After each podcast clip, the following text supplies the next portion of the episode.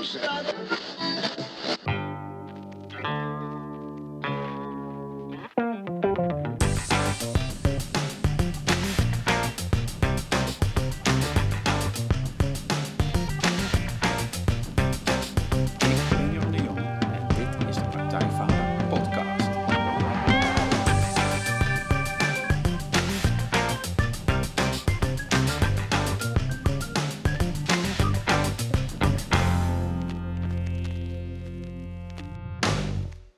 Welkom bij een nieuwe aflevering van de Praktijkvader podcast. Jeroen hier en goed dat je luistert. Zoals elke aflevering interview ik een inspirerende gast die jou verder gaat helpen bij de volgende stap in je vaderschap. Ik vraag schrijvers, coaches, wetenschappers, kunstenaars naar hun vak, hun ervaringen, hun tips en trucs over hoe je met meer ontspanning en plezier de vader kunt zijn die je je kinderen en jezelf gunt. En vandaag is schrijver, spreker, verslavingsexpert en reclamemaker Marnix Powell te gast. Eh, welkom Marnix. Hey Jeroen. Hey. Marnix Pauwels is in zijn eigen woorden een schrijver, geluksfilosoof, spreker, coach, simpelmaker. En hij helpt mensen een briljant leven voor zichzelf te bouwen. Tot voor kort had hij eh, zijn eigen reclamebureau Woedend, waarmee hij voor grote bedrijven en instellingen werkte. En hij schreef een aantal boeken, waaronder het indrukwekkende boek Vrij. In dit boek is Marnix heel erg open en eerlijk over zijn verschillende verslavingen, depressies en angststoornissen. En vertelt hij ook hoe hij hier vanaf is gekomen. Marnix las volgens eh, zichzelf, zoals eigen zeggen, kastenvol zelfhulpboeken, volgde honderden uren therapie en probeerde allerlei cursussen uit. En hij was, zoals hij zelf zegt, een echte zoeker. Totdat hij inzag dat hij niet hetzelfde was als alle verhalen die hij over zichzelf of over anderen vertelde. En dat werd ook de kern van het boek Vrij. Je bent niet je gedachten. We zitten vast in een heilig maar destructief geloof in alles wat we denken. En als je daar inzicht in krijgt, verandert je leven. Maar Marnix heeft geen succesrecepten of stappenplannen. En dat is juist het enorm bevrijdende aan dit boek. Nou, Marnix schreef nog een aantal andere boeken, waaronder eh, Leg dat ding nou eens weg over onze smartphoneverslaving en wat we daar wel of juist niet mee kunnen doen. En hij is vader van een dochter van 17 jaar, klopt? Bijna 17. Bijna ja. 17, ja. Nou, in dit gesprek gaan we het hebben over verslavingen, wat de manier is om daarmee om te gaan, hoe je een vrij leven creëert en die gedachten in je hoofd, eh, met rust laat en uh, Marnix eigen vaderschap. Uh, nou, Marnix, leuk dat je in de podcast bent. Super. um, als eerste, uh, jij stuurde mij je boek Vrij op uh, onlangs. En ik moest wel lachen, want voorin schreef je... Um, er is alleen maar praktijk. Mm -hmm. En ik dacht, nou, dat, um, daar voel ik natuurlijk van alles bij. Maar wat dacht jij toen je dat opschreef? Je dacht, ik word geïnterviewd door Jeroen van de Praktijkvader. En Ja. er is alleen maar praktijk. Ja, en, en, en uiteindelijk is het alleen maar praktijk natuurlijk. Theorie is, uh, is theorie. Dus um, ik sprak net iemand hier in het pand waar we zitten en die is net bevallen. Een, een, een, een jonge moeder en uh, ik vroeg aan haar of ze veel boeken heeft gelezen vooraf. En dat had ze. Dat doen we namelijk allemaal als aanstaande ouders. We, we, we, we, zijn doodsbang dat we het verkeerd doen. Dus we willen goed voorbereid uh, uh, die, die tocht ingaan. En dat terwijl het ouderschap is in mijn ogen het simpelste wat er is. Je krijgt een kind, je houdt ervan. En je zorgt ervoor dat tot het uh, op eigen benen staat. Dat is volgens mij in een notendop het enige, de enige uh, verantwoordelijkheid die je hebt. Um, en ik denk dat het um, um, exemplarisch is voor hoe we naar het leven kijken. We willen continu snappen hoe het werkt en ons voorbereiden op alles. En ingedekt zijn en uh, verzekerd zijn voor, voor de gevallen dat het fout gaat. En zijn ontzettend bang voor ellende. Terwijl het leven alleen maar praktijk is. En we zitten veel te veel te, te kloten met de theorie. Um, en ik, het was inderdaad gewoon een, een, een ideetje gebaseerd op, op, op, op, de, op de naam van, jou, uh, ja. van jouw insteek. Ja. Hey, en hoe ziet jouw eigen uh, praktijk als vader nu uit? Hoe, hoe, wat voor vader ben jij? Kun je er iets over zeggen? Ja, ik, denk, ik ben de meest, meest relaxte vader van Nederland. Het zou kunnen dat Paul Smit me daar, uh, op, op, daar op wil betwisten. Ja. maar het, is, het zijn de woorden van mijn eigen dochter. Um, ja. Die is bijna, is bijna 17 en um, ik hoor van haar dat eigenlijk al haar vriendinnen hebben mot met hun ouders. Um, ze deelt alles met mij.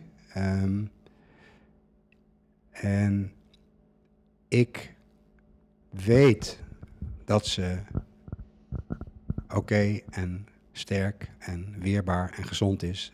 En ook als zij denkt dat het niet zo is. En vanuit dat uh, vertrekpunt um, hou ik van haar en ben ik er voor haar. En speel ik de rol die ik uh, in dit geval heb, namelijk als vader. Alleen op mijn eigen manier. Ik, ik, ehm, ik, ik, ik, ik heb geleerd dat me druk maken om dingen eh, nooit zin heeft, dus dat doe ik ook niet meer. Ehm, dus ze zei gisteren ook tegen mij: eh, Papa, je bent de, de meest gelukkige man van Nederland. Hè? en ehm, ik zei: Nou, dat weet ik niet. Maar eh, ze zei: Je doet alleen maar leuke dingen. En ik doe eigenlijk heel veel kutdingen ook. Ik zei: Ja, school is ook echt gewoon. eh, Ja. ja, wat moet je ermee? Maar het hoort er wel bij. Dus zij heeft het wel door. En ze heeft me natuurlijk ook eh, gekend toen het, toen het anders was en toen het minder was. Ja. Maar even om terug te komen op je vragen, wat doe ik? Ja, weet ik veel. Lief, eh, eh, liefde voelen, ehm, eh, eten koken, en naar school brengen, naar de luisteren, knuffelen als ze, als ze het nodig heeft en ook als ze denkt dat ze het niet nodig heeft. Ehm, En, en waarom hebben... en mij, mezelf zijn, als, Ja, als en- voorbeeld. Ja, precies. En jij zegt, hè, de vriendinnen van mijn dochter, die hebben mot met hun ouders. Waar zit het verschil dan in? Waarom hebben die mot met hun ouders en, eh, en jouw dochter niet? Ehm, ik denk dat ze minder vertrouwen genieten. Ik vertrouw mijn dochter volledig en, en, en 100% Ik ben ook niet bang dat er iets overkomt. Ik ben ook niet bang dat ze rare sprongen maakt. Want zelfs als ze rare sprongen maakt, maakt het nog niet uit.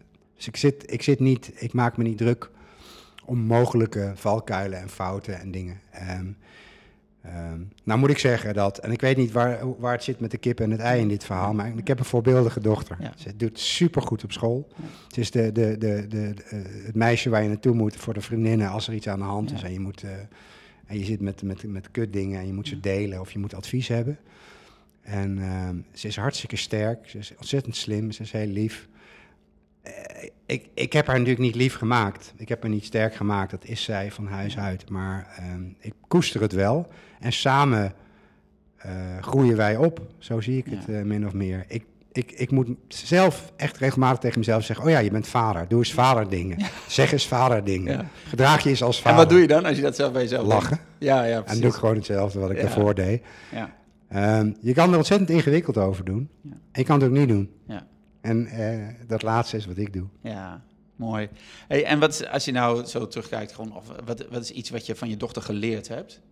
Ehm, dat ehm, het leven praktijk is en dat een dochter of een mens in het algemeen af en toe gewoon even erkend wil worden in de illusie van eh, wanhoop en ellende. En eh, niet een vader continu nodig heeft die zegt, nou, het is maar een gedachte. En, Oh ja. eh, Ja. dat heb ik natuurlijk een tijdje gedaan. Ik ben, ik ben een redelijke evangelist geweest van mijn eigen ontdekking. Ja. En op een gegeven moment, zij heeft me geleerd dat ik gewoon soms mijn bek moet houden en ook moet zeggen, ja, ik, ik, eh, een bepaalde nederigheid en een bepaalde normaalheid in de zin van, lieverd, ja, gym is eng, ik noem maar wat. Soms. Het is ook helemaal niet eng, want het slaat nergens op. Je bent alleen maar bang voor het idee van gym. Want gym is niet, als gym eng was, zou iedereen het eng vinden. Ja. Dus het, en ik weet, maar ik weet dat de illusie sterk is. Ja.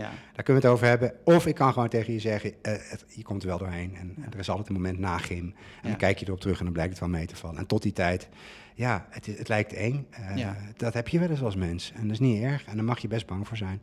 Dus ik laveer een beetje tussen die twee dingen. En het leuke is dat... Kijk, als, als iemand al een tijdje met je, met je oploopt... en je praat vaak over bepaalde dingen... dan zal je merken dat die persoon niet meer zo goed naar je luistert Ja. omdat hij of zij denkt, precies denkt te weten wat je zegt.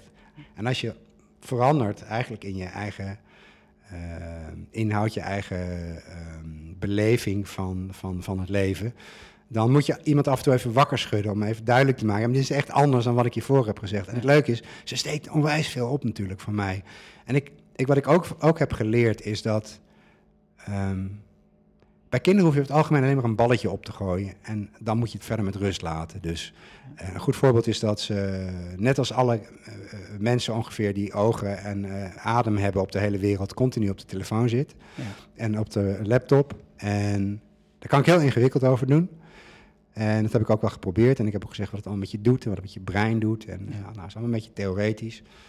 En dat, ze klapte dicht. De meeste mensen willen dat helemaal niet horen. Nee. Daarom is mijn telefoonboekje zo geflopt. Ja. De meeste mensen zeggen, we hebben geen zin om het daarover te hebben. Maar ehm, het is wel een, natuurlijk wel een, best wel een, eh, maatschappelijke issue. Maar ik heb tegen haar gewoon gezegd op een gegeven moment... oké, één ding wat heel veel minder wordt als je continu op je scherm zit... is je sociale vaardigheden. Hè? En, en, Ja. en het kunnen lezen van iemand anders. Maar ook, ik bedoel, iemand, eh, iemand in zijn ogen kijken leer je niet op de telefoon. Dus hoe moet het nou als je straks een keer een jongen ontmoet... die geïnteresseerd is in je? Ja. Denk je dat je überhaupt weet wat je moet zeggen? Kan je dan iets van relaxedheid eh, ontwikkelen? Ja, ja, ja, ja. En een paar maanden later zei ze ineens: Ja, ik heb eens zitten denken. Ja, ik weet niet, misschien moet ik mijn telefoon toch eens wat vaker wegleggen. Want ik heb het idee dat het voor mijn sociale vaardigheden misschien is. Dus Oh, dat mooi, is het- ja. ja. en Ja. dit is dus een gouden, gouden tip. Ja, Voed je kinderen met de informatie waarvan je denkt dat ze relevant, eh, waarvan die relevant is voor ze. Maar dring het ze niet op. Laat het daarna los. En dan zou je zien dat ehm, eh, kinderen het op een eigen manier gaan ownen en zich eigen gaan maken en een- eigen invulling en draai eraan geven. En dan hebben ze het idee dat ze het zelf verzonnen hebben. En dat is duizend keer beter dan dat je het oplegt. Ehm, en ik denk dat de allergrootste tip en de allergrootste les die ik tot nu toe heb geleerd is: wees het allerbeste voorbeeld voor je kind wat je kunt zijn. Ja, want je kunt natuurlijk wel van je kind verwachten van... eh, hè, jouw boekje heet eh, Leg dat ding nou eens weg. Hè? Dan nog met zo'n aantal van die tekens van... eh, omdat de kreet, die komt misschien niet op het boek, weet ik niet. Maar, ehm, maar, ehm, maar tegelijkertijd, hè, als, als je als ouder die frustratie voelt... En, maar je zit zelf ook... eh, je roept dat terwijl je even opkijkt van je scherm, bij wijze van spreken. Ja, dan dat schiet het niet op. Totaal eh, eh, kansloos en Ja. maakt, geen maakt geen indruk. En het is leuk is, ik heb best wel veel met kinderen gepraat de afgelopen jaren. Ja. Hierover, die zeggen allemaal hetzelfde. Papa zegt, leg dat ding weg, gaat dan vervolgens zelf. Ja, maar ik moet eens voor mijn werk, ik moet nog een appje versturen. Ja, En die, die ehm, ehm, inconsequente boodschap is gewoon heel verwarrend voor kinderen. Ja. Wees gewoon eenduidig. En als jij wil dat je kind niet continu op zijn telefoon zit, moet je er fucking voor zorgen dat je iets Ja. verzint. Zodat je kind het anders heeft te doen. Of je moet duidelijk maken dat vervelen ook helemaal niet erg is. ja, Maar ehm, het hele idee van... Ik, ik heb het vaak genoeg gehoord van... Eens kan je vijf trucjes ja, om mijn kind te denken... Zoek het lekker zelf uit. Je bent zelf ouder geworden? ja, Hou van je kind, daar begint het mee. ja. Maar zorg dat je kind voelt dat, dat het belangrijk is. En, en daar, daar komt zoveel moois uit voort al. Ehm, Mooi, mooi. Hey, ehm, je boek Vrij eh, schrijf je heel open en eerlijk over je, over je verslavingen. Ehm, dat, was ook, hè, dat heeft een tijd geduurd. Toen was je ook al vader. Ehm, kun, je, kun je omschrijven hoe dat, ja, gewoon, hoe was dat? Zeg? Wat deed je? Hoe zag die verslaving eruit? Terwijl, want ja, je werkte wel gewoon, hè? Dus, dus dat ging allemaal door. Ja, maar ja, kijk, alles stond in dienst van, van het drinken en het Ja. blowen. En dat betekende dat ik een beetje rond die gewoontes heen laveerde. Dus maandagochtend eh, belde ik altijd af voor mijn werk. Want dan had ik eh, zondag weer eh, veel te, veel te hard gezopen en te lang. En dan was ik, had ik weer wakker gelegen. Hmm. Had ik me zo schaamde en dan had ik niet geslapen. En dan, eh, ehm, dus alles. Kijk, mensen die stevig verslaafd zijn, zijn, zijn behoorlijk egocentrisch. Dat is gewoon onderdeel van het hele verhaal. Je bent zo in de war dat je alleen maar bezig bent met die fix continu. En al- allerlei hele belangrijke dingen die je, in, in- als je vol- volkomen helder was, prima zou begrijpen. Die zie je niet of die wil je niet zien. Dus je wordt kortaf tegen mensen. En ik zei altijd afspraken af als ik geen zin had. En ik was continu aan het managen. Ik was mijn katers aan het managen. Ik was mijn drankvoorraad aan het managen. Ik was aan het zorgen dat het niet altijd duidelijk was dat ik weer gedronken had. Wat, wat uiteraard natuurlijk iedereen gewoon door had. Maar Ja. goed, dat is ook zoiets. want Je leeft zo in je eigen wereld uiteindelijk. En ehm, mijn dochter was destijds eh, ongeveer 40% van de tijd bij mij, misschien nog iets minder. In de tijd dat ze niet bij me was, ging ik volledig uit mijn plaat qua gebruik. Hmm. En als ze wel bij me was, deed ik een paar tandjes lager, maar liet ik het niet liggen. Ja. Ehm, en ehm, drinken was zo belangrijk voor mij dat ik bijvoorbeeld ieder jaar met mijn dochter naar een all-inclusive resort ging, wat in feite het meest treurig is wat er bestaat. Maar het is, heel, het is heel overzichtelijk. En als jij om tien uur 's ochtends bier zit te drinken, val je niet op, want dat doet iedereen. Ja, Ehm, dus dan, dan, dan eh, ja, en die vakanties, het, het bizarre was, na, na, na vijf jaar of zo, eh, dat soort vakantie, wist ik op een gegeven moment ook niet meer waar we geweest waren. Zei, Nee. waar- dan zei ik altijd, Mila, waren we nou in Turkije of in Egypte? ja, Want je vliegt erheen, je landt in het donker, je gaat in een bus, je rijdt naar een resort, je stapt eruit, je zit vijf, weet ik veel, een week bij, lig je bij een zwembad, lam. En daarna ga je die bus weer in, s ochtends vroeg, en je gaat weer vliegen en ben je weer terug. Dus alles leek op elkaar. het ziet allemaal hetzelfde uit. Ja. Ja, Ehm, dus hoe zag het eruit? Ik ehm, voelde me iedere ochtend slecht. Dus ik ehm, had echt de neiging om uit mijn bed te komen, een, een, een, een, een bord pap voor mijn een dochter te maken, iets wat, wat snel klaar was. Ja. De televisie aan te zetten en dan weer in mijn nest te gaan liggen. Simpelweg omdat ik me zo kut voelde. Ehm, en, en, en er stond ook een soort van eh, eh, onuitgesproken straf op als ze dan voor 11 uur naar mijn kamer binnenkwam. Geen straf heb ik nooit gedaan, maar boosheid en eh, irritatie. Ehm, en eh, ik was kortaf, ik was ehm, vaak gefrustreerd en ge- geïrriteerd. Ik was negatief. Ehm, voor mezelf, voor andere mensen, ook voor mijn dochter. De meeste alcoholisten zijn gewoon niet hele vrolijke mensen, laat ik het zo zeggen. Ehm, en dus. En het geluk is denk ik dat. ik ben nu kleine zes jaar ge- gestopt met roken, drinken en, en blowen. En dat deed ik allemaal echt, echt heel erg veel. En het zijn ook de meest bewuste jaren voor mijn dochter. Dus ze heeft... Ja, ze kent me eigenlijk niet eens meer uit die tijd inmiddels. Het is, dat is min of meer een beetje weggespoeld. Ze weet nog wel dat ik af en toe eens boos was of dat ik in een hoekje zat te huilen. Maar het is een soort vage herinnering. Net als je na heel veel jaar nog wel weet dat je liefdesverdriet had, maar hoe erg het was, weet je gewoon niet meer. Ja. En zij kent me eigenlijk alleen, eigenlijk alleen nog maar nu. En nu, ja, ze profiteert ontzettend mee van mijn ontwikkeling. Dat is het leuke natuurlijk. En, en aangezien voor mij het leven echt letterlijk met, met iedere dag lichter wordt en ruimer, ehm, daar, daar profiteert ze van mee. Ze, ze gedijt natuurlijk ook in die sfeer. Ik heb ontzettend veel eh, liefde voor haar vertrouwen en ik, ik, eh, ik ben heel erg open in, in, in, in, in waar ik mee zit en waar ik tegenaan loop op, op haar niveau. Dus ik kots niet over haar heen met allerlei dingen die te ingewikkeld zijn. Maar ze ziet natuurlijk mij, ze ziet mij opbloeien, letterlijk. Want Ja. eerst, ja, ze weet nog wel dat ik altijd in mijn nest lag en Ja. altijd met eh, mijn haar door de war en als, liep te mopperen. En nu ziet ze dat ik continu weg ben en naar het buitenland en boeken schrijf. En voor haar is dat natuurlijk fantastisch. Eh, ook in de zin van, ehm weet je, ehm, er is best een hoop mogelijk. Ja, ja hey, en hoe, hoe zie je dat nu? Hè? Van zij wordt 17, eh, als zij drinkt of rookt of zo. Hoe, ja, je zei, ik maak me niet druk, hè? Zei je net aan het Ja. begin. Hoe zie je dat? Kun je Ja, dat doet zo ze niet. Nee. En als ze daar nieuwsgierig naar wordt, of als Prima. Dan, ja, Ja. dan... ehm, Ik heb helemaal niks tegen drank, echt nul. Nee. Wat dat betreft, ik ben ook beyond AA inmiddels. Al die dingen. Kijk, als je eenmaal, als je eenmaal echt ervaren hebt hoe het leven is als je fris bent, Ja. dus dan ben je wel gek als je nog, aan nog te gaan drinken. Dat wordt nooit leuker. Dus ik heb er helemaal, ik heb de, de hele, ehm, de hele incentive om te drinken is voor mij volledig weg. Maar ik ben helemaal, ik heb niks tegen drank. Ik heb niks tegen mensen die drinken. Ik heb gewoon een nul relatie met alcohol. Ja. Boeit me niet.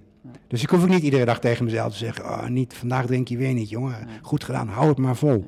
Alcohol boeit me al jaren niet meer. Nee. Maar je bent dus ook niet bang dat je, hè, in veel verslavingen schrijf je ook in je boek, zit ook een genetische component, dat Nee. je dochter die overneemt. Nee, er zit helemaal geen genetische component Oh, nee. Ben ik inmiddels alweer, uh, weer over beyond. Oké, en dan- Nee, dan totaal niet. gewoon af. Nee, Oké, geloof ik helemaal niet in. nee. Drinken is puur eh, nurture, is puur kijken naar je ouders, is puur ehm, een eerste ervaring op het moment dat je je ongemakkelijk voelt. Een ervaring met drank die een soort klik eh, maakt, die ervoor zorgt dat je je wat Ja. ontspannender voelt. En je brein is een sukker voor dat soort shortcuts. Ja. En je brein is dol op lifehacks. Dus op het moment dat jij iets hebt wat voor jou ervoor zorgt dat je wat relaxter bent dan Ja. daarvoor, zal je brein het onthouden. En als je het nog een paar keer doet, wordt die fan.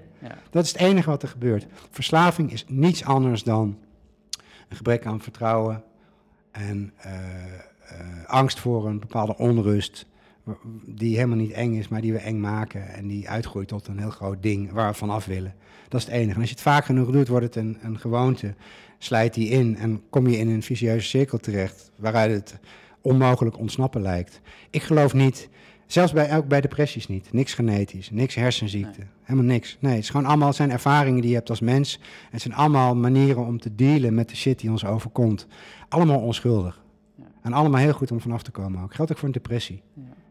Hey, en, en als, nou ja, weet je, in mijn training zijn ook veel mannen. En eh, nou, het is ook eens eh, hè, dat alcoholgebruik komt, eh, komt naar voren, zeg maar. Hè. Dus Van, ja, weet je, aan het eind van de dag of ik ben moe en het is druk geweest en ik neem een paar biertjes. gewoon, nou ja, terwijl ik Netflix kijk of zo.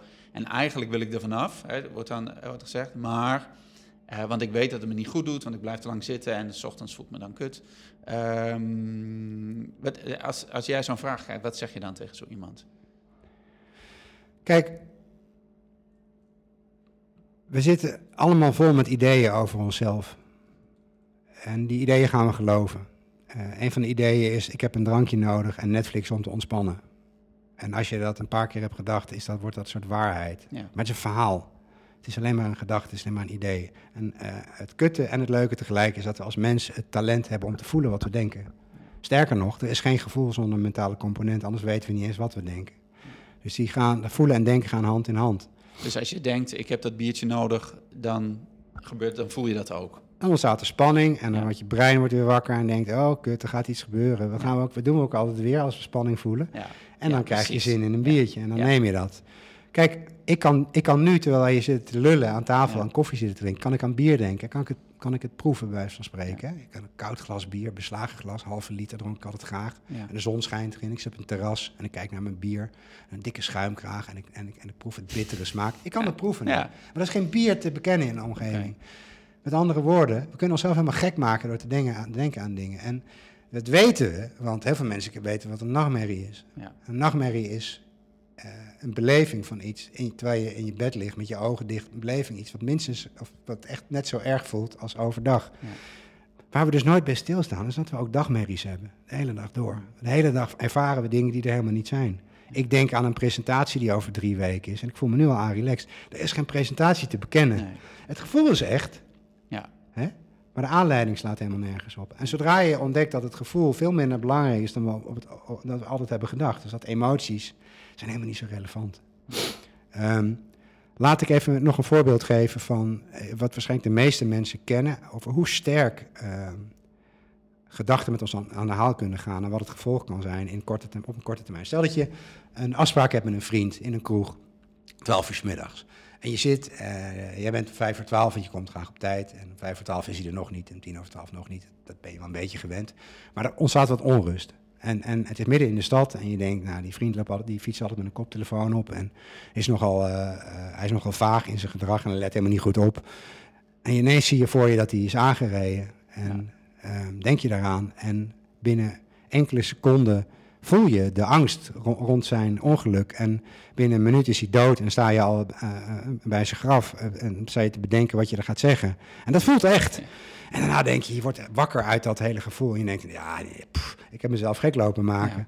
En je wordt een beetje kalm, je neutraliseert in je, in je idee. En dan denk je, maar het is nu tien voor half één. En die fucker had best even kunnen laten weten waar hij is. En dat doet hij wel vaker zo. Ik vind toch dat hij een beetje ge- ge- gebrek aan respect toont. Ik ben hier wel op tijd. En dan ga je Het volgende verhaal. En dan word je ineens Ja, boos op ja. hem.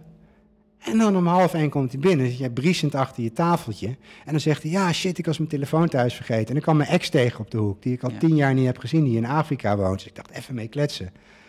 Ondertussen is hij dood geweest Ja. en je hebt hem dood gewenst. Ja. Het was allebei niet waar. Nee. Wat denk je nou, dat dat vermogen om aan iets te denken en dat te voelen, dat dat niet gewoon de hele dag door in ons, in ons speelt? Nou, als je dat weet, dan weet je dat onrust ook helemaal niet erg is. Nee. En we drinken uit onrust, we Netflix uit onrust. En zodra jij geen probleem meer maakt van je onrust, weet je wat er dan gebeurt? Gaat je onrust weg. Ja. En hoe doe je dat? Hoe doe je, die onrust komt op. Dat is een en- realisatie, je doet helemaal niks. nee. We zijn, we zijn veel te veel gefixeerd op doen. Dat hoeft Ja. helemaal niet, je hoeft alleen maar te weten. Dus, hè, maar hoe werkt dat bij jou dan? Hè? Jij hebt dit allemaal, hè, jij vertelt het, jij hebt dit allemaal door, doorleefd. Jij, jij leeft dit ook echt. Hè? Je dochter zegt, je bent de meest relaxte vader en de gelukkigste man van Nederland. En er komt een gevoel van onrust. Heb jij dat nog überhaupt nog? Tuurlijk. Oké, dus Ik heb alles. Oké, Ik ben een mens, ja, net fijn. als jij. Oké, dus jij wordt En onrustig. ik weet dat het ja. allemaal niet erg is. Ja, Ik weet dat angst ook gewoon een reactie is op een idee. Ja. En vaak weet je het idee niet, hè? Zijn, ze hebben zoveel onbewuste gedachten. Alleen, eh, bewustzijn maakt geen verschil. Dus bewustzijn pikt ook onbewuste gedachten op en, en, en, en blazen ook leven in. Ja. Kijk, het is hartstikke leuk als je in die bioscoop zit, dat je dat vermogen hebt om je in te leven. Want Ja. anders is een film geen zak aan. ja precies. Ehm, maar het is minder relaxed als je in de file staat en je, en, en, en je zit eh, op te winden over de file en je denkt, ik kom te laat. En vervolgens het idee hebt dat de file de, eh, het, het vermogen heeft jou gek te maken. En dat kan natuurlijk helemaal niet, hè? Want als je in de file staat en je kijkt naast je, zou je altijd zien, er zit altijd iemand naast je, die heeft de muziek aan en die staat te trommelen op zijn stuur en die heeft het allemaal leuk. En die staat in dezelfde file. Ja. Op het moment dat je doorhebt dat alles wat je voelt altijd alleen maar in jou zit en door je eigen ideeën over de wereld komt en niet door wat er, wat er buiten je gebeurt. Want het leven is neutraal. Als een brug open gaat, is neutraal. Ja. Maar je kan ervoor staan en helemaal gek worden omdat Ja. jij net aankomt fietsen Ja. en denkt dat, dat er een samenzwering is van het universum die altijd overal bruggen laat opgaan als Ja. jij aankomt. En dan kan iemand naast je staan, een botenliefhebber, en die staat aan het water. Die ziet al die boot en die heeft de tijd van zijn leven. Het is dezelfde situatie. Nou, Ja. als je weet dat ehm, we ons alleen maar kunnen voelen wat we denken altijd. En dat wat we denken, daar gaan we helemaal niet over. Want als, als, wij, als ik kon bedenken wat ik dacht de hele dag, dan was er, denk je dat er nog iemand was met een probleem?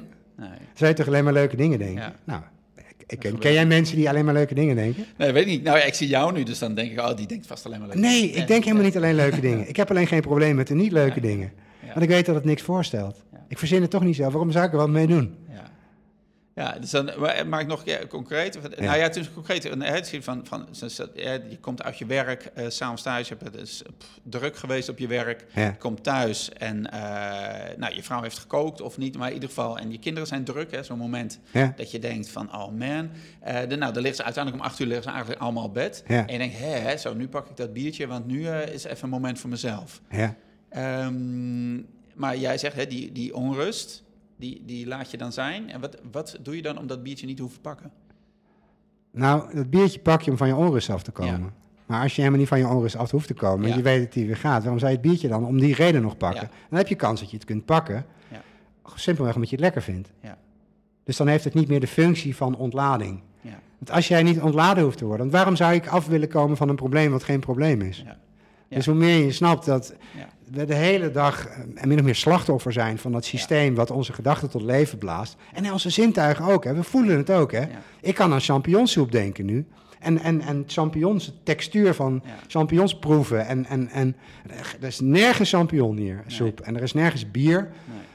Ehm, dus dat is wat er gebeurt. Ehm, eh, we zijn zo ehm, in de ban van eh, die ervaringen die we... Zijn ervaringsmachines. We cre- creëren continu nieuwe ervaringen. En hoe meer je eh, leert realiseren dat ervaringen je niks kunnen doen. We zijn gewoon alleen maar het podium waarop het speelt. We zijn niet het toneelstuk. Er komt altijd een nieuw toneelstuk. Er komt altijd een nieuwe gedachte. Er altijd, na onrust komt altijd weer rust. Altijd. Jij bent in je leven ook al tienduizend keer uh, relaxed geweest. Je hebt je al heel vaak opgelaten gevoeld. Je hebt je vaak blij gevoeld. Al die dingen zijn weg. En iedere keer als het gebeurt, denken we weer, "Ah, dat gaat nooit weg. Ja. Ik moet hier vanaf. Ja. Als jij onrustig wordt en je realiseert dat je waarschijnlijk iets hebt gedacht waardoor je onrustig bent geworden. Dat het niets zegt over je leven op dat moment of over je toekomst. Alleen maar iets zegt over dat je kennelijk iets onrustigs hebt gedacht. Dan hoef je ook niet op te gaan, je hoeft ook niet te gaan zoeken wat het was. Daar kan je ook mee stoppen. Je Ja. kan stoppen met het zoeken naar Niet van, oorzaken. oh, het ligt daaraan, of het ligt aan We vinden baas, altijd of, iets, Of hè? het Als ligt aan mijn ouders. Tuurlijk, of- als je het ja. vandaag niet kan vinden, vind je het gisteren wel. Ja. Dus zijn heel Ja. goed in het vinden van eh Ja. zondebokken en wat dan ook. En wat krijg je dan? dan? Dan heb je dus het idee dat je onrustig wordt door iets buiten jezelf. Ja. En dan ga je dat buiten jezelf proberen te veranderen. Ja. Dan moet je een andere baan of dan moet je baas moet dan zich anders gaan of, gedragen. ja, het ligt aan mijn vrouw. Of, Ja, maar de grap is dat iedereen die een partner heeft, heeft wel eens meegemaakt dat hij momenten heeft dat hij zeker weet dat hij weg wil bij zijn vrouw of zijn man. En er zijn ook momenten dat je niets liever wil dan voor altijd bij elkaar blijven. En het is hetzelfde mens hè, waar je bij bent. En wat Ja. verandert er? Je verhaal over die Ja. persoon op dat moment. En, ehm, en, en, of een, even een, en, en alles, het enige wat je nodig hebt in al die gevallen, is een, bepaalde, een bepaald bewustzijn van die ervaring. Dus weten dat je alleen maar een ervaring hebt en dat het niet is wie je bent. En wat ik vaak als voorbeeld gebruik, is het fenomeen dat je van iemand een appje krijgt wat je registreert als kut, als agressief of vervelend of ver- veroordelend of wat dan ook. Of een appje of een mailtje en je leest het en je denkt, fuck Ja. you. En je Ja. typt iets terug, met filijn en, Ja. en gemeen, want je voelt je helemaal opgefokt en je stuurt het weg en je denkt, hier, pak aan. Dat je geen reactie krijgt en dat je, en dat je een uur later denkt, "Ah, wat, wat, ik heb iets, ooit een keer iets gelezen dat je mail van een server terug kan halen als het nog niet gelezen is. En kan dat misschien, dat je ineens, en als je dat een paar keer in je leven hebt meegemaakt, kan het gebeuren. Ik heb veel mensen gesproken, dat je, op het moment dat je weer eens een keer zo boos wordt, dat je wel het appje Ja. schrijft, maar dat je het nog niet verstuurt. Ja. En dat je dan een uur later kijkt en dat je heel blij bent. En dat je Dat je niet gedaan hebt. de strekking Ja. intact laat, maar dat je wat zekere woorden die je gebruikte, omdat je op dat moment helder weer bent geworden.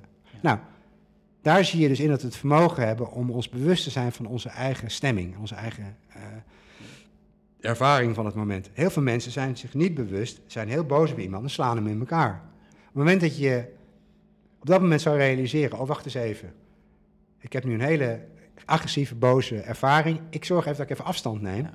want anders ga ik rare dingen doen. Ja. Want het, het jammer is namelijk dat je kunt niet in één klapje weer heel leuk voelen. Kan niet. Als, als, je, als, je, als je lijf volgestroomd is met boze chemicaliën, het moet dat er even uit. Het moet even uitgespoeld worden. Maar je kunt wel weten dat je het voelt.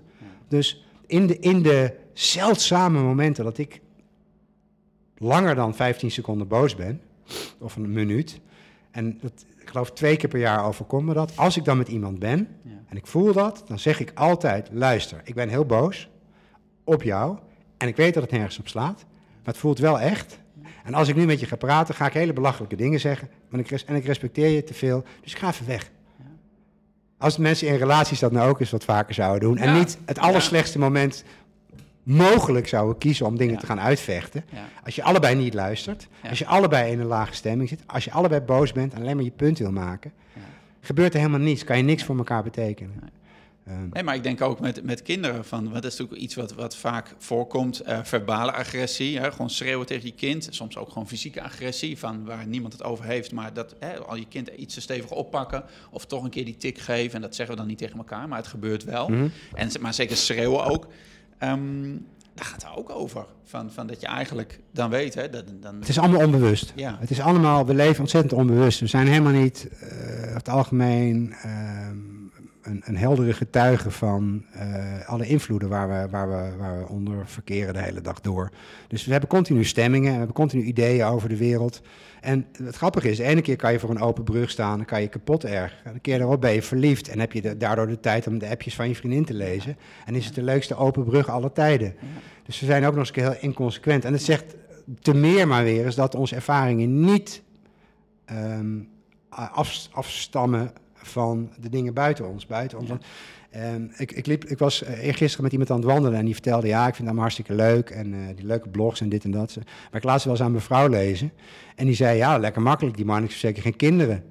Want als je drie kinderen hebt, dan eh, hoezo, eh, eh, eh, het is maar een gedachte en wat dan Ja. ook. Het zeg, nou, dat is een heel leuk voorbeeld wat je hier geeft. Want heb je wel eens gehad dat je kind jengelde en dat je het heel vervelend vond? Dan heb je wel eens gehad dat je kind jengelde en dat je het gewoon schattig vond? Ja. En het is hetzelfde gebeuren. Hè? Als wij niet een situatie op een bepaalde manier een stempel geven, kunnen we er niks bij voelen. Want Dan weten we niet wat het is. Wat je niet kent, daar kun je niks bij voelen. Dus wij schatten een situatie in. En als je in een lage stemming bent, kun je minder hebben. Zie je het op een andere manier. Daarom zijn er mensen die op het werk, waar je een hekel aan kunt hebben, waar andere mensen ontzettend goed mee op kunnen schieten. En je snapt het maar niet. Het is zo'n ontzettende asshole. En in, jou, in jouw hoofd werkt dat ook zo op die manier. En heel veel mensen hebben dit ook. En dan zeg ik, ja, maar het is heel grappig. Het grappige is dat die asshole gaat naar, gaat naar zijn huis straks. En dan staat er in de open voordeur staat zijn kind op hem te wachten. En die heeft de, liefste papi eh, ter wereld. Wie, wat, wie, is het nou? Wat is het nou? Ja, mooi. Hey, ehm, op een gegeven moment, hè, je schrijft in het boek ook van, was voor jou een moment dat je, dat je hè, met je verslaving, dat je op een gegeven moment dat je hem kon stoppen. Dat je echt zoiets had, nu ben ik er klaar mee. En ehm, dat, is, eh, nou ja, dat is niet iedereen eh, gegeven, of wel, dat weet ik niet precies. Maar kun je beschrijven dat moment dat je zoiets had van, ja, maar nu is het genoeg? Eh, nou ja, het was een moment dat ik eerder had gehad eigenlijk, als ik heel eerlijk ben. En ik weet niet waarom het nu allemaal op zijn plek viel. Laat ik het zo zeggen. Ik denk dat ik zelf de slechtste weg heb bewandeld om te stoppen met drinken. Namelijk met ontzettend veel krampachtigheid, met, met wilskracht. Ik heb een jaar lang wilskracht ingezet om Ja. niet te drinken. Het is uiteindelijk wel gelukt, maar het is de minst effectieve manier om het te doen. Wat, wat is wilskracht? Hoe, wat, het- Eh, doorzetten. Ja. Continu doorzetten. Ja. Continu, ja, ja, nog één keertje volhouden, nog één keertje. Ehm, ik heb de afgelopen jaren eh, eh, meerdere mensen geholpen. En kijk, iedereen is wel ergens verslaafd aan. Dus ik heb inmiddels tientallen mensen geholpen. En ook mensen die al heel lang kook gebruikten of alcohol gebruikten. Het probleem is niet dat je eh, iets gebruikt. Het probleem is dat je denkt dat je het nodig hebt. Ja. En op het moment dat jij inziet dat je het echt niet nodig hebt, valt je noodzaak om het te gebruiken weg. Dus het hele idee van heel krampachtig mijden. Het is in het begin handig, hè? want als, als- je echt verslaafd bent, is het de kat op het spek binden om toch iedere dag weer bij de gal en gal te gaan staan Ja. en een blikje Fanta te bestellen. ja. Moet je gewoon even niet doen. Ja. Maar op een gegeven moment kun je inzien dat je jezelf onschuldig voor de gek hebt gehouden al die jaren. En ehm, ik, ik heb, het is mij eh, gelukt ehm, door heel veel toewijding, door heel veel geluk, als ik heel eerlijk ben, door heel veel mazzel, door heel veel doorzettingsvermogen, wat ik toevallig heb. Kennelijk heb ik dat talent. Dat is ook, Ja. is ook, dat is ook wel super handig. Om, om gewoon die dagen door te komen. En als iemand op dat moment mij had begeleid zoals ik tegenwoordig doe bij mensen, wat natuurlijk alleen hypothetisch is en dus al per se al, bij definitie al nergens op slaat, Ja. maar goed, het is voor het geval, voor, de, voor, de, voor de case is het misschien leuk om te zeggen, dan had ik veel sneller doorgehad dat, dat, dat, dat vechten tegen die aandrang helemaal niet noodzakelijk was. Dat die aandrang helemaal niet erg is. De aandrang om te drinken. Ja, Oké. je hoeft er niks mee te doen. En we worden zo bang voor de aandrang dat we het helemaal niet meer onderzoeken wat het eigenlijk is. Dus zodra je aandrang hebt, ga je, maak je er een probleem van. Je brein registreert dat je een probleem hebt. Gaat ehm, dorst eh, creëren in je lijf en beelden van bier. En dan ga je je tegen verzetten. Je, je, je, je brein voelt nog meer weerstand, nog meer ellende. Gaat nog meer ehm, verlangen creëren in je, in je systeem. Want je brein wil gewoon van, de- van het gezeik af. Ja. Dus die is gewoon ontzettend fan geworden van bepaalde dingen. Nou ja, en hetzelfde werkt bijvoorbeeld bij, bij, bij angststoornis ook. Je, je, je, je staat op en je, je voelt je al een beetje re- relaxed. En je denkt, ik moet vanmiddag met de trein. Ja. En dan heb ik eh, mijn laatste paar keer paniekaanvallen gehad. En de trein is eng. En voor dat ik het nu weer heb. Het is zo lastig. En waarom heb ik het altijd? En dan ga je veel denken en dan ga je veel piekeren. En dan gaat je brein slaat op hol en dan voel je je onrustig. Dat is gewoon Ja. nou eenmaal de weerslag van je, van je gemaal en van je gedoe. Doordat je onrustig voelt, heb je het idee dat je, dat je angst toeneemt. Dat heb je gewoon gelabeld. Onrust is angst. Daardoor denk je nog meer, daar word je nog onrustiger van. Uiteindelijk zit je in de trein. En voordat die vertrekt ben je er weer uit, omdat je een paniekaanval Ja. hebt gehad. En je zegt tegen jezelf, ik wist dat ik er een zou krijgen. Ja. Ja. Het is precies andersom. ja. Je hebt hem zelf veroorzaakt. Onschuldig, hè? Ja. Niemand wil graag een paniekaanval. Maar je hebt hem simpelweg doordat je in het eerste idee van ehm, een oncomfortabel gevoel iets hebt gelezen, iets hebt gezien.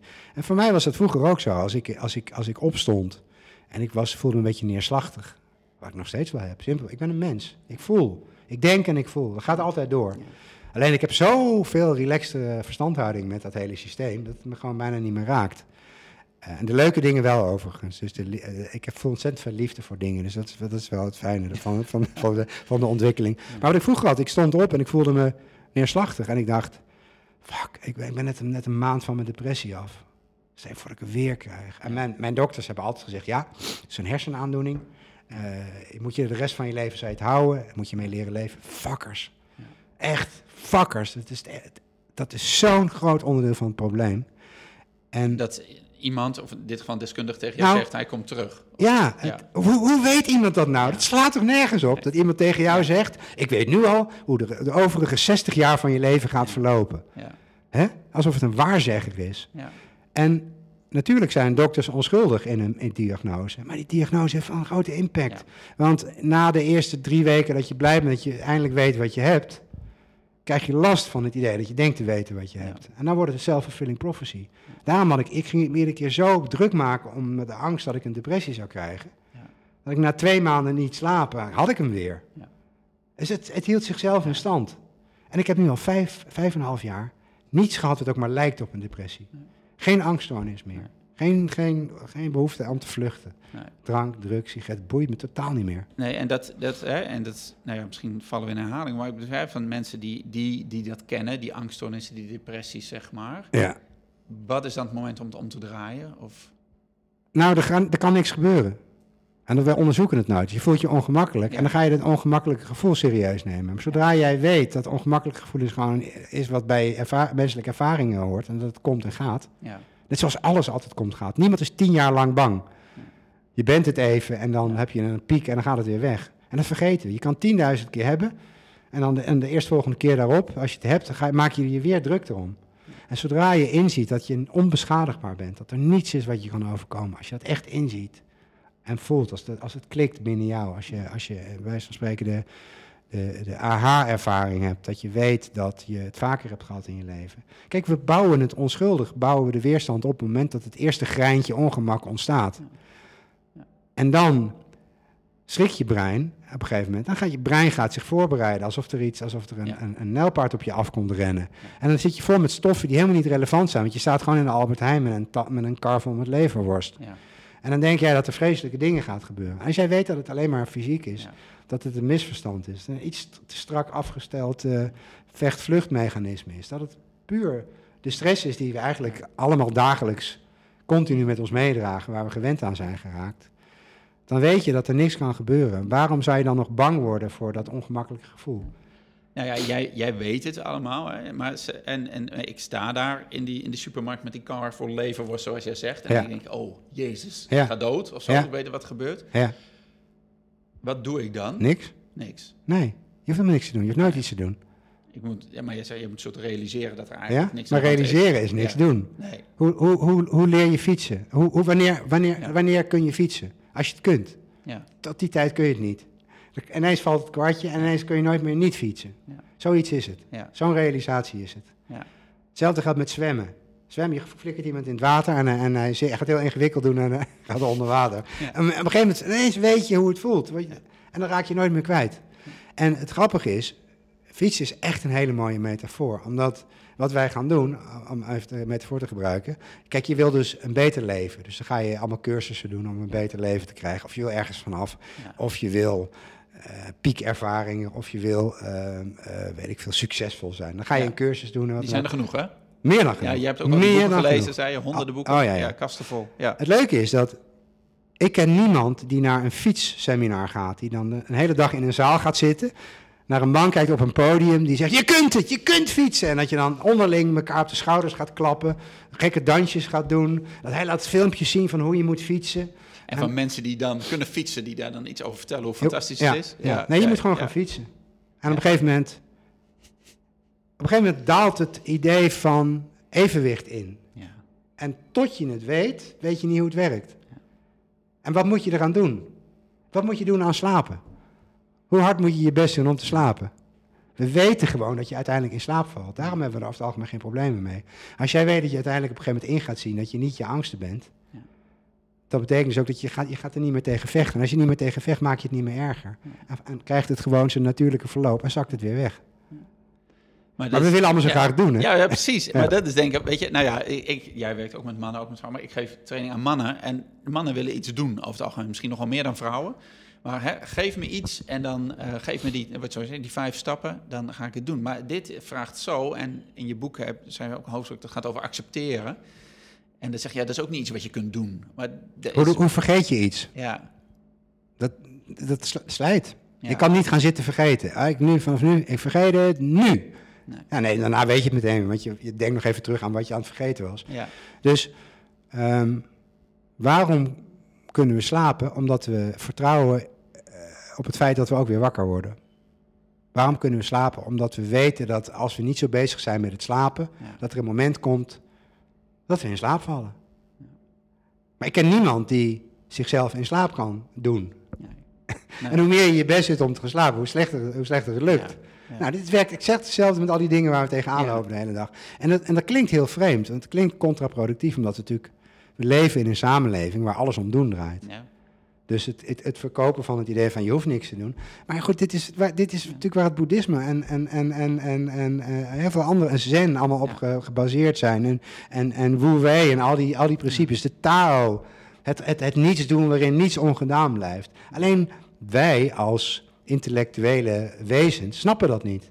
Want dat lijkt heel een ontzettende contradictie te zijn. Een soort Ja. paradox. Ja, maar wat nou als ik dan niks ga doen? Je gaat altijd weer iets doen.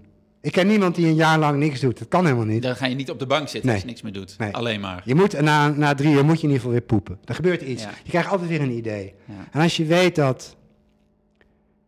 Kijk, er zijn zoveel clues die we niet zien als mens. Hè? Even, even om een voorbeeld te geven. Ehm, ik weet dat mijn klanten weten uiteindelijk altijd wat ze moeten doen. Zelf. Waarom? Omdat we zijn gewoon, zijn gewoon aangesloten op een, op een fenomenaal intelligent systeem. Wat altijd met ideeën komt. Ja. En wij gaan het allemaal in dat kleine kutbrein van ons gaan we het allemaal zitten opzoeken. Al die, al die oude Lego-stenen proberen we om te draaien. En op een andere manier op elkaar te plakken. In de hoop dat we iets volledig nieuws krijgen. Terwijl als je die Lego-scène met rust laat. En iedereen weet dit. Als ik met jou nu eh, ga praten over films. en er is één acteur en we komen niet op zijn naam. Dan kunnen we even IMDb opstarten. Ja. Kunnen, we, kunnen we gaan opzoeken. We kunnen het ook met rust laten. en iets anders denken. En op een gegeven moment komt hij. Precies. Ja.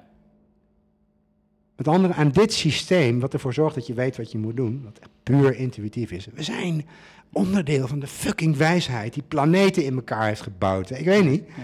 En dan gaan wij er een beetje bij de hand lopen te doen met dat mini-mini kutbreintje van Omdat ons. wij denken dat we het beter weten. Niet? Ja, nou ja, Ja. Ja. over grootheidswaanzin gesproken. Nou, dus op het moment dat je snapt dat er voor je wordt gezorgd, waarom zou je dan nog bang zijn voor ongemak? Ja. En wie zorgt er dan voor je? Weet ik veel, kan je uitschelen? Ja, nee, maar wat, wat betekent dat dan, dat er voor je gezorgd wordt? Nou ja, eh, heb jij niet het idee dat er, een, dat er een levensenergie bestaat die ervoor zorgt dat, een, een, een- dat er, als het weg is, dat, er, dat het ineens een soort dood lijf eh, overblijft? Dat er iets zorgt dat, dat er uit eikels eh, bossen groeien. Dat vogels weten dat ze aan het eind van het jaar fucking 10 kilometer of 10.000 eh, kilometer Ja. verderop moeten vliegen omdat het ergens beter is. Joh, daar wordt, dat is allemaal geregeld, hè? Ja. The, the universe has got our back. Ehm, ehm, en, en je haar groeit vanzelf. Nou, bij jou dan niet. Nee. Maar ik noem maar wat. We weten wanneer we moeten poepen. Ja. We weten wanneer we dorst hebben. Eh, ons hart klopt vanzelf. Dat hele lichaam weet, is zich continu aan het regenereren. Er zijn continu cellen die worden aangevallen en, en worden afgevoerd en kapot gemaakt. Daar hebben wij helemaal niets over te zeggen, niets over mee te maken. En dan zouden wij ook continu moeten ingrijpen in alles. Het slaat gewoon helemaal nergens op. En hoe meer je dit ervaart, ziet op het niveau van fietsen. Ja. Hè? Als, als in, oh, oké, oh, oké, ja, dat is echt zo. Niet als intellectueel interessant snoepje wat je jezelf voorhoudt. Hoe moeitelozer het leven wordt. Ook als het kut is. Ja. Hè? Ja. Want dat, laat ik dat voorop stellen. Het leven kan absoluut heel ingewikkeld zijn. Maar je kan het wel op heel veel manieren aanvliegen. En je kan er op heel veel sierlijke en onsierlijke manieren mee omgaan. En ik was vroeger, had ik een kutleven. Ik vertrouwde helemaal niemand. En ik vond alles eng. En ik deed helemaal niks, omdat ik toch dacht dat alles verkeerd zou aflopen. Dat is ook precies wat ik kreeg. Nou, je hebt mijn boek gelezen. Je weet, ik ben niet voor positief denken. Dat is onzin. Ja.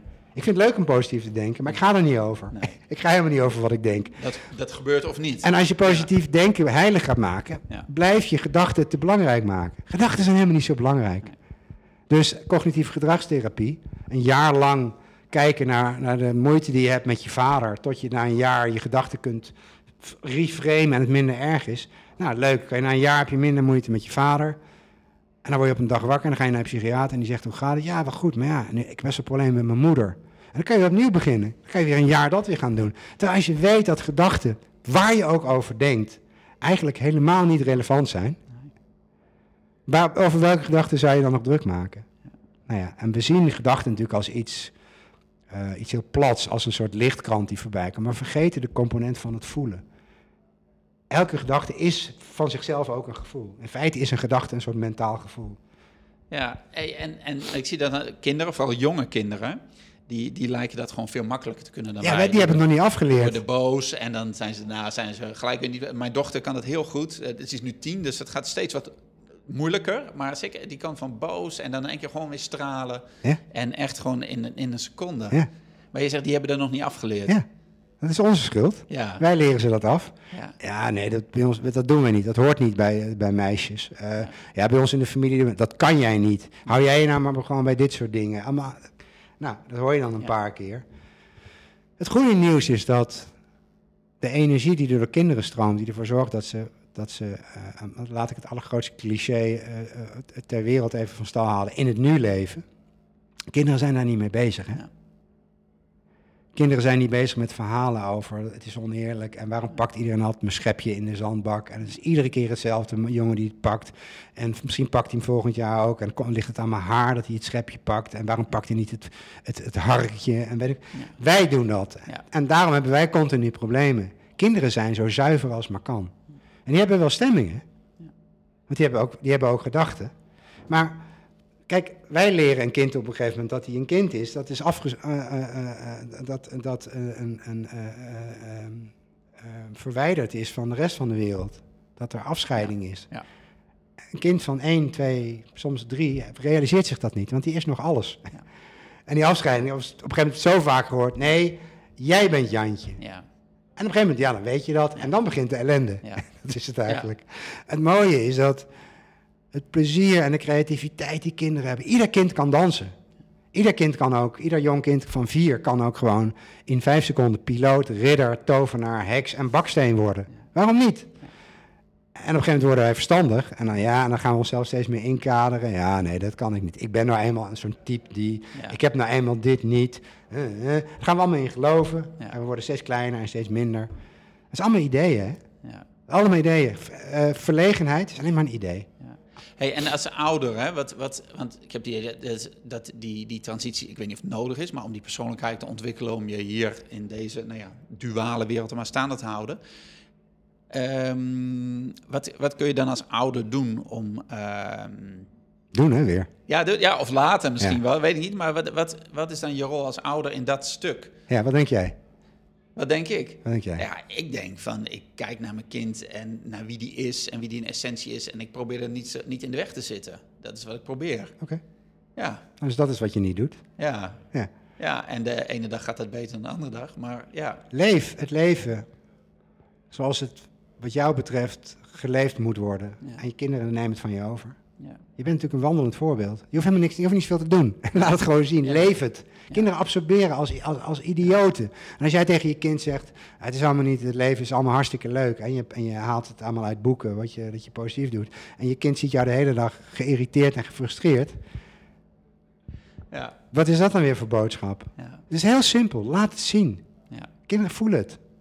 Kinderen zien het aan. Kinderen zien dat je ontspannen bent. Kinderen pikken alles op. En is, is een ego erg? Nee, natuurlijk niet. Is het, is het idee erg dat je een, een afgescheiden persoon bent? Nee, dit is hartstikke leuk, man. Ja. Ik vind het fantastisch om een Marnixje te spelen. Echt, de leukste rol van mijn leven. Ik ben, ik ben 25 jaar verslaafd geweest. En er was geen zak aan, kan ik je vertellen. En ik wilde dood. En het was niet leuk. Maar dat is wel een mooie aanloop naar de rest. En ik, ik heb nu gewoon letterlijk, voor mijn gevoel, een tweede kans gekregen om mijn leven 180 graden anders in te richten en te doen en te beleven. En een ego, het idee dat je eh, een bepaald iemand bent met bepaalde eigenschappen, is gewoon onderdeel van het toneelstukje. En dat is de rol die je krijgt.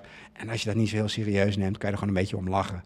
Als ik naar mijn reclamebureau ga, dan weet ik dat er van mij verwacht wordt dat ik de creatief directeur uithang. Dat is gewoon onderdeel van het spel. Nou, dan doe ik dat toch? Ja. Dat is toch prima? Ja, maar dat gaat dus ook over jezelf minder serieus nemen. En ook alle ideeën en verhalen die je hebt over jezelf, dat je niet minder serieus Jij zegt, ik speel een rol. Ja. Ik speel de rol van Marnix. Ja, En dat is op dit moment is het een hele leuke rol. ja. Ja. En, en ehm, ik was benieuwd, want jij zei ook van... eh, net even, was, het, was die, die periode van die verslaving nodig om hier te komen? Weet jij het? Nee, ja, weet ik niet. Geen nee, ik weet niet hoe jij... en- Ik vind het zo leuk, ik weet echt zo weinig. Ja, Al die dingen, al die, ja, eh, kan, je, kan je verlicht raken? Ja, weet ik, ik volgens mij wel. Eh, kan je het eh, forceren? Eh, geen, denk het niet, weet ik veel. Nee. Ehm, ja, moest je eerst heel erg verslaafd zijn om aan- nu aan deze kant te komen? Ik wel. ja, ik ja, weet niet of dat voor andere mensen zo geldt. Ik heb mensen die zijn verlicht geboren, maar die hadden het niet nodig. Laat ik het zo zeggen. Als jij heel lang in, een, in, in het donker hebt geleefd, is de motivatie om het licht op te zoeken groter dan als je continu door het schema wandelt. Laat ik het zo zeggen. Ik denk dat, dat wat dat betreft Ja. zou je kunnen zeggen, mensen zijn misschien meer gemotiveerd als het heel slecht met ze gaat, om los te laten. Dat is gewoon het hele ding. Dus, en ik werk met, in mijn coaching werk ik met heel veel mensen, mensen waar het naar hun eigen idee heel slecht mee gaat. Meestal is dat na een paar, paar ontmoetingen is dat helemaal anders. Of mensen waar het gewoon heel goed mee gaat. En waar die, die, die, hebben, die hebben het idee van dat het nog veel leuker kan zijn. Dat ze nog meer kunnen spelen. Ehm, dus er zijn mensen die... En allemaal zijn ze op hun eigen manier gemotiveerd. Maar je kunt je voorstellen dat als het heel slecht met je gaat... dat dat je kan motiveren om eh, eens een keer ergens anders te gaan kijken. Ja. En eens een keer te gaan kijken achter je eigen gelijk. En dat is los te laten. Als je niks meer te verliezen hebt, dan heb je ontzettend veel te winnen. mooi. Hey, even een paar, paar korte vraagjes. Hoef je niet per se kort antwoord op te geven hoor. Maar ehm, eh, heb jij op dit moment eh, een favoriete manier om je, om, om, zo, om je kop helder te houden? Eigenlijk om, om er aanwezig te blijven. Hè? Je, in je boek schrijf je, je hebt lang gemediteerd of, of doe je iets. Eh, je zei net voordat we begonnen, ik ga graag het bos in. Maar zijn er manieren... je een, een, een routine. Ja, je begint al te lachen, dus ik denk het niet. Maar heb je dingen die je doet? Hoe meer je doet, hoe drukker je hoofd wordt, hoe Ja. minder je eraan hebt. Ja, Kijk, het leuke van mediteren is, dat mediteren is een, een, een, een, een, een, een, een ladder om op een, om, om, die je tegen de muur kunt zetten om even over de muur heen te kunnen kijken. En, en, en um, het is hartstikke leuk om over de muur te kijken, want dan zie je ineens hoe mooi alles is en dit soort dingen. Nou, wat je vaak ziet is dat mensen heel veel gaan mediteren. En als ze geen tijd hebben om te mediteren, worden ze heel, helemaal grumpy. En dan, uh, of ze gaan iedere dag langer mediteren, en dan wordt het zo'n ding. Als je weet dat er helemaal geen muur is, dan hoef je niet meer. Dan kun je mediteren omdat je het leuk vindt. Ja. Dus wat zou ik doen? Wat zou ik doen om in slaap te vallen? Ik ga gewoon liggen. Ja. op een gegeven moment gebeurt het. Ik leef. En, en, en, en ik heb zoveel realisaties gehad op het gebied van... ik hoef mijn leven niet te leven, heel bewust. Ik hoef me niet druk te maken. Ik hoef me niet druk te maken dat mijn hart klopt. Gaat vanzelf. Ik hoef me niet druk te maken dat ik kan kijken. Dat doen mijn ogen voor me en mijn, en mijn, en mijn brein. Ik hoef me niet druk te maken om eten, want mijn lichaam zegt op een gegeven moment: nu moet je gaan eten. Het is allemaal geregeld. Ja. Maar je hoeft je dus ook niet druk te maken of dat je, hè, je, bent, dat je dochter opgroeit of zo. Of dat hij goed terechtkomt of zo. Waarom zou ik? Ja. Nou ja, daar maken veel ouders zich wel druk over. Van, want daar gaan heel die, al die opvoedingsboeken over. Van ik moet dit en dit en dit doen, want dan komt dat en dat en dat eruit aan het eind van de rit. Ja, wat denk je, waar denk je dat een kind meer, meer bij gebaat is? Mijn, mijn ouder die continu met plastic helmpjes rondloopt en, en kniebeschermers en heel spastisch gaat lopen doen. Of, of bij een vader die gewoon lachend door het leven gaat en iedere, iedere tegenslag laat zien dat hij er sierlijk doorheen gaat. En alle liefde van zijn leven bij, zijn, bij, zijn, aan zijn, aan zijn, bij zijn neusgaten eruit laat komen. Dat is een hele retorische vraag. Ja. maar ja. iemand zei laatst ook tegen mijn klant, zei laatst tegen me van ja, maar Marnik, stel nou dat je weer verliefd wordt. En uh, dat was, is altijd mijn, uh, mijn Achilles uh, heel geweest. Dat je weer verliefd wordt en, en, en, en, dan, en dan maakt die vrouw het weer uit. Het zijn 6 miljard denkstappen verder. Is, lijkt je dat niet eng? Welke vrouw? Ja. En dit is wat we continu doen. Ja. Continu bezig met dingen van helemaal niet weten als of dit, het gaat als dat, stel dat. Weet ik veel. Ja. Weet ik veel. En als mijn, als mijn kind aan de drugs gaat en ik heb het niet door, dan, dan komen we er wel weer uit. Ik ga niet nu rekening houden met en zo mijn, mijn, mijn, mijn, mijn dochter iedere keer dat we langs een koffieshop lopen, wegduwen of ertussenin staan of heel overdreven hoesten of wat dan ook. Dat maakt het alleen maar interessanter. Oké, mooi. Is er iets wat je, wat je graag met je dochter zou willen doen en wat er gewoon maar niet van komt? Wat er nog komt. Of ik denk, oh ja, maar dat wil ik wel doen. En dat op de een of andere manier krijgen we dat niet geregeld. Nee, want al die dingen die lossen zich vanzelf op. Sinds 2,5 jaar gaan wij op, op uh, stedentrip. Dat is nu een ding geworden. Tot die tijd paste dat niet in ons leven. En 2,5 jaar geleden lagen wij bij, bij een zwembad. Een van de 14 zwembaden in of Turkije of Griekenland, dat weet ik niet meer. En we keken elkaar aan na de tweede dag en we hadden iets van... Dit, dit hoeven we niet meer te doen. En vanaf dat moment is het idee ontstaan van stedentrips. En e-, elk jaar gaan we uh, in ieder geval naar twee steden ergens in Europa, vier, vijf dagen. Dat is ons ding. Daar gaan we naar de dierentuin, daar gaan we naar musea. In Amsterdam gaan we, naar, gaan we nooit naar musea. Wat ik, ik, heb, ik heb geen, ik heb alleen maar zachte doelen. Ik heb alleen maar dingen die me leuk lijken. En ik ga daarheen en ik, uh, het lijkt me leuk. Uh, het lijkt me leuk om Mark Rutte te coachen. Ik noem maar wat. En dat heb ik als zacht doel gesteld voor dit jaar. Ik ken hem niet. Ik weet niet of hij ervoor open staat. Ik weet niet of hij het leuk vindt. Of hij het interessant vindt. Dat is een zacht doel. Lijkt me hartstikke interessant om te doen. Als het niet gebeurt, dan gebeurt het niet. Als het wel gebeurt, vind ik het hartstikke leuk. Ik ga niet heel spastisch. Ik ga niet iedere dag naar Den Haag op het Binnenhof staan met een sandwichbord. Ik ga niet heel krampachtig allemaal mensen mailen. Het idee is in me opgekomen. Ik speel ermee. Dat vind ik leuk genoeg. En dan laat ik het weer los. En dan heb ik weer andere ideeën.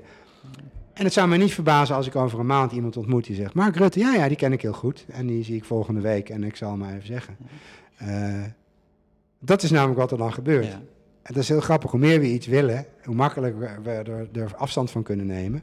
hoe groter de kans dat het gebeurt. Of dat we iets krijgen wat veel beter is. Want laten we wel wezen, ik heb zoveel gekregen in mijn leven... waar ik geen zak aan vond. Ik heb zoveel gekregen in mijn leven wat ik niet wilde. Wat zegen bleek te zijn. Dus dat hele idee van precies weten wat goed voor me is. Wat goed voor me is, is leven. Mensen ontmoeten, uh, reizen, uh, ontwikkelen, praten, luisteren, ehm, dingen meemaken. Dat is goed voor me. in hoeverre ik daar heel erg mijn best voor hoef te doen, of dat het gewoon gebeurt, weet ik veel. Nou, het, het lijkt gewoon te gebeuren. En ik ga wel op de fiets als ik ergens heen moet. En ik ga wel in het vliegtuig als ik ergens heen moet. En ik ga het gesprek wel aan en ik mail het wel. En ik maak wel mijn offerte. Al die dingen doe ik als handeling in het geheel. Maar waarom iemand mij ineens, op, terwijl hij op vakantie is, ineens gaat googlen en dan voorstelt om een jaar met Ja. me te gaan werken, weet ik veel. Nee, precies. Mooi. Dat gebeurt. Omdat het kan. Ja, en is er, ehm, als je terug mocht gaan hè, naar het moment dat je je dochter voor het eerst in je armen had. ehm, ja, en dat, daar geloof je allemaal niet in. Maar stel voor het, voor het geval van, wat voor advies of tips zou je jezelf geven op dat moment? En, en kun je een beetje schetsen die situatie, waar was je toen? Hoe oud was je ongeveer? Want, was je in het ziekenhuis, was je thuis? Of? Ik was in het ziekenhuis en mijn dochter wilde niet komen. Kan je ook van alles achter, achter zoeken natuurlijk. Ja. Dus mijn, mijn, mijn vriendin, eh, de moeder van, van mijn kind. eh, eh, dus we waren al over de uitgerekende datum heen. En ze werd, eh, eh, het kind werd opgewekt, een paar dagen lang. En dat ging helemaal niet goed. En eh, het was heel lastig. En langzaam maar zeker merkte hij ook dat het personeel onrustiger werd over het hele verhaal. Dus op een ochtend is ze besloten om, om haar ineens te gaan halen met een keizersnee. Ja. En ze kwam eruit, ze was blauw, wat niet hoort. Ehm, en ehm, was, eh, ik kan me herinneren dat, dat ik meerende naast de couveuse met allemaal mensen, met een blauw kind. Ja. En eh, naar de ruimte waar andere ontblauwde kinderen lagen in eh couveuses. En dat, dat herstelde redelijk snel. Maar ze moest daar een, een, week liggen, in die, in, die, in die kamer met die andere kindjes. Haar moeder heeft er een week niet bij haar kunnen komen, want die had een infectie van de, Ja. van de, van de keizersnede. En ehm, ik, ben haar, ik ben dan een, een flesje gaan geven. Want ik mocht niet eens, de eerste paar dagen mocht ik niet eens bij, lag ze in de couveuse. Het was een hele, zeer aanrelaxte Ja. ex begin van het gedag. Wat ik wel weet, is dat ik nog nooit zoiets moois had gezien. Een blauw kind met een heel rare bult op de hoofd, waar een soort zuignappen uh, aan nou, was eh, uitgetrokken. Ja. En eh, verkreukeld uiteraard. Ja, hoe zie jij, zou jij eruit zien? eh, na negen maanden op zo'n plek. Ehm, dus het was... Het vervulde me met, met, met, met, met, met, met het grootste geluk. Ik kan me herinneren dat ik naar de, naar de Albert Heijn ging om, om iets, weet ik veel, iets te halen. En dat er ook mensen gewoon eh, gaan naar mij toe kwamen en echt aan mij vroegen of er iets was, iets heel bijzonders. Want ze konden het gewoon zien. Ja. En ehm, daarna, toen, toen de euforie weg en het vanzelfsprekende blijdschap weg was gevallen en het, het denken over de moeder mag er niet bij en eh, eh, ze is wel wat klein en wat, eh, eh, wat ondervoed en dat soort dingen. Daarna werd het ineens problematisch. Maar je vroeg, ehm, wat zou ik mezelf voor advies geven? Ik had na, op geen enkele manier naar mijn eigen advies geluisterd, ben ik bang op dat moment. Ehm, dat is het ook, hè. Als jij niet klaar bent om te fietsen, dan kun je niet fietsen. Tot het moment dat je wel kunt fietsen. Ja. Dus ik kan, er is geen enkel advies wat voor iedereen werkt. En altijd. Ik kan tegen jou zeggen, joh, er wordt voor je gezorgd. En, eh, en heb er nou maar vertrouwen in dat het goed komt. Dat is namelijk ook waar. Ja. Alleen er zijn genoeg momenten dat je denkt, flikker op, ik gooi je uit het raam met je, met je, met je kutopmerking. Heb je niet, voor mij is het namelijk echt heel erg, het gaat echt heel slecht op dit moment met me. Ja. Dus daar heb ik ook alle respect voor. Dus ik vind het heel lastig omheen. Ehm, maar wat ik tegen mezelf zou zeggen is misschien... eh, hoe ingewikkeld het nu ook nog lijkt en hoe pijnlijk en zwaar het ook lijkt. Er komt een dag dat je het heel erg anders ziet. En dan vraagt iemand je over deze ervaring en dan moet je een antwoord verzinnen. Ja, ja, mooi. Mooi. Hey, ehm, als, als afsluitende vraag, Manix. Eh wat is volgens jou, hè, zoals jij, je ziet veel mensen, je spreekt veel mensen. Wat is de grootste uitdaging waar ouders in deze tijd nu voor staan? Wat, wat zie jij? Nou, het is heel makkelijk om dan eh, naar schermen te wijzen. De, ja, nou ja, ik weet niet of je dat ook ziet. Ja, je hebt er een boek over geschreven. Ja. Ik, ik vraag me af of de, of de uitdaging in essentie heel anders is geworden als, als ouder door de jaren heen. Als jij van je kind houdt, op zo'n manier dat je kind dat ervaart en voelt, dan maakt in feite waar je bent, hoe je bent, hoe het eruit ziet, wat er gebeurt, en of nou iedereen nou wel of niet de hele dag op zijn telefoon zit, maakt uiteindelijk niet zo heel veel uit. Ehm, we zijn als mens alleen maar bezig met symptoombestrijding, continu. Uh, kind moet op rantsoen, want dan kijkt er vaak, nou dat snap ik allemaal wel, want ja, ik, ik ben, ik, ik, ik ben, ik sta best wel, uh, kijk het scherm en, en internet is fantastisch, echt fantastisch. Smartphones, fantastisch. Dat is het probleem, ze zijn fantastisch, ja. ze zijn veel te leuk. Ja, ja. En dat ervoor zorgt, zorgt ervoor dat we alleen nog maar bezig zijn met afleiding zoeken.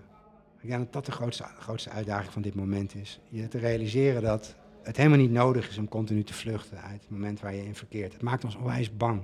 Jonge kinderen zijn heel bang. Want ze leren niet dat het leven oké is. Ze leren dat zodra het ingewikkeld wordt, zodra je ouders even uh, te, uh, te, druk hebben, word je achter een scherm geduwd. En dat maakt mensen schuw en uh, reactief en onzeker en nerveuzig. Dus ik denk dat alle dingen die er op dit moment zijn, die om, continu om aandacht schreeuwen. En die ook vervolgens onze aandacht krijgen, omdat we denken dat we het moeten geven. We moeten luisteren naar onze, ons appje dat zegt dat we een berichtje hebben gekregen. In plaats van dat we zelf nadenken: van heb ik zin om nu op mijn telefoon te kijken? Er wordt aan alle kanten aan ons getrokken. En ik denk dat dat een uitdaging is om mensen zo weerbaar te maken dat ze om kunnen gaan met al die prikkels en al die um, invloeden van buitenaf. En een heel diep vertrouwen in zichzelf ontwikkelen, waardoor ze min of meer toch immuun kunnen blijven voor al die toestanden. het gaat erom dat je gezond omgaat met al die shit. Het is het toch allemaal. En we kunnen niet allemaal in een klooster gaan wonen of in een bos. Mooi. Oké, dankjewel Marnix. Als mensen meer over jou willen weten, waar kunnen ze dan terecht? Google. Google? Ja, nee, nee. Marnix.nl. Um, en, en, en Marnix Pauwels um, werkt werkt vrij goed op Google. Ja. Er is veel te vinden, veel filmpjes, veel interviews, veel uh, dingetjes. Ik lul makkelijk over wat ik heb meegemaakt, simpelweg omdat ik helemaal niet zit met wat ik heb meegemaakt. En uh, bij Bol doe ik het ook goed. En als je een boek wil kopen, uh, is mij, wordt me altijd aangeraden, zeg dan tegen mensen dat ze het eigenlijk moeten bestellen bij hun plaatselijke boekhandel, want die hebben het al zo moeilijk. Dus bij deze. Kijk. ik heb nu vier boeken, vijf boeken geschreven. ik denk, wil ik er volgend jaar wil ik er nog drie of vier bij hebben. En ehm, dus Marnix Pauwels. Ja. En dan vind je allerlei dingen. En dan uh, kan je uh, okay. dan toch nog een vraag. Ja. Dus, jou, uh, je zegt, ik wil er volgend jaar nog drie of vier bij hebben. Wat is het thema wat jij nu het meest bezighoudt? Waar ben je over aan het schrijven? Nou, ik heb nog twee kinderboeken liggen. Eén als wat eigenlijk een soort, soort exponent is van vrij.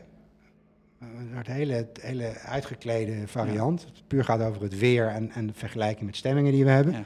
Heel, heel toegankelijk. Ja. Ik heb een ander boek geschreven dat gaat over een jong een kind van 6, 7. Dat is een beetje Roald Dahl-achtig voor mijn gevoel. Hm.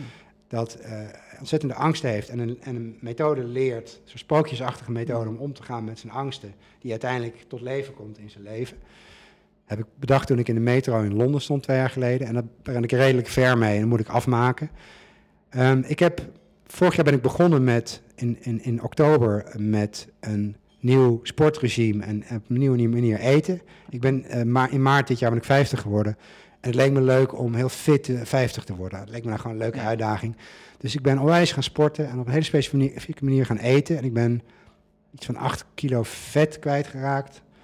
Wat uh, heel gezond is uh, om dat kwijt te raken. En ik heb alles opgeschreven wat me, waar ik tegenaan liep, wat ik vervelend vond, waar, wat me er doorheen sleepte. Daar wil ik nog een boek van maken. Omdat ik um, heel erg pleit voor veranderingen van binnenuit. En niet als een soort straf voor jezelf, maar juist uit liefde voor jezelf. Uh, dat is het enige wat duurzaam is. Dus daar wil ik een boek over schrijven. En dan denk ik dat het leuk is om uh, volgend jaar of het jaar erop een boek over coaching te schrijven, op mijn manier. Ja. Uh, maar ja, het moet, het moet even gedownload worden in mijn, ja. in, in, mijn brein. En als ja. het er is, dan ga ik zitten en dan typ ik het er gewoon uit. Mooi. En verder zie ik het wel, joh. Ja, mooi. Oké. Okay. Dankjewel, Marnix. Alsjeblieft. Um, ja, super. Um, bedankt voor het luisteren als je nu luistert. Um, deze aflevering vind je terug op de website www.praktijkvader.nl podcast. Daar vind je ook uh, linkjes naar de boeken en, en de interviews met Marnix. Die zal ik daarbij zetten. Je kunt je abonneren eh, via Apple Podcast of Stitcher als je een Android-telefoon of toestel hebt. En dan, dat is allemaal gratis. En dan krijg je iedere keer als er een nieuwe uh, podcast is, krijg je daar een reminder van als je ze aan hebt staan. Uh, maar je vindt ook alle afleveringen terug op www.praktijkvader.nl slash podcast. Dan vind je nog veel meer informatie over betrokken, aanwezig, authentiek vaderschap. en ik hoor je graag, ik luister je graag bij de volgende podcast. Oké, heb het goed. Doeg!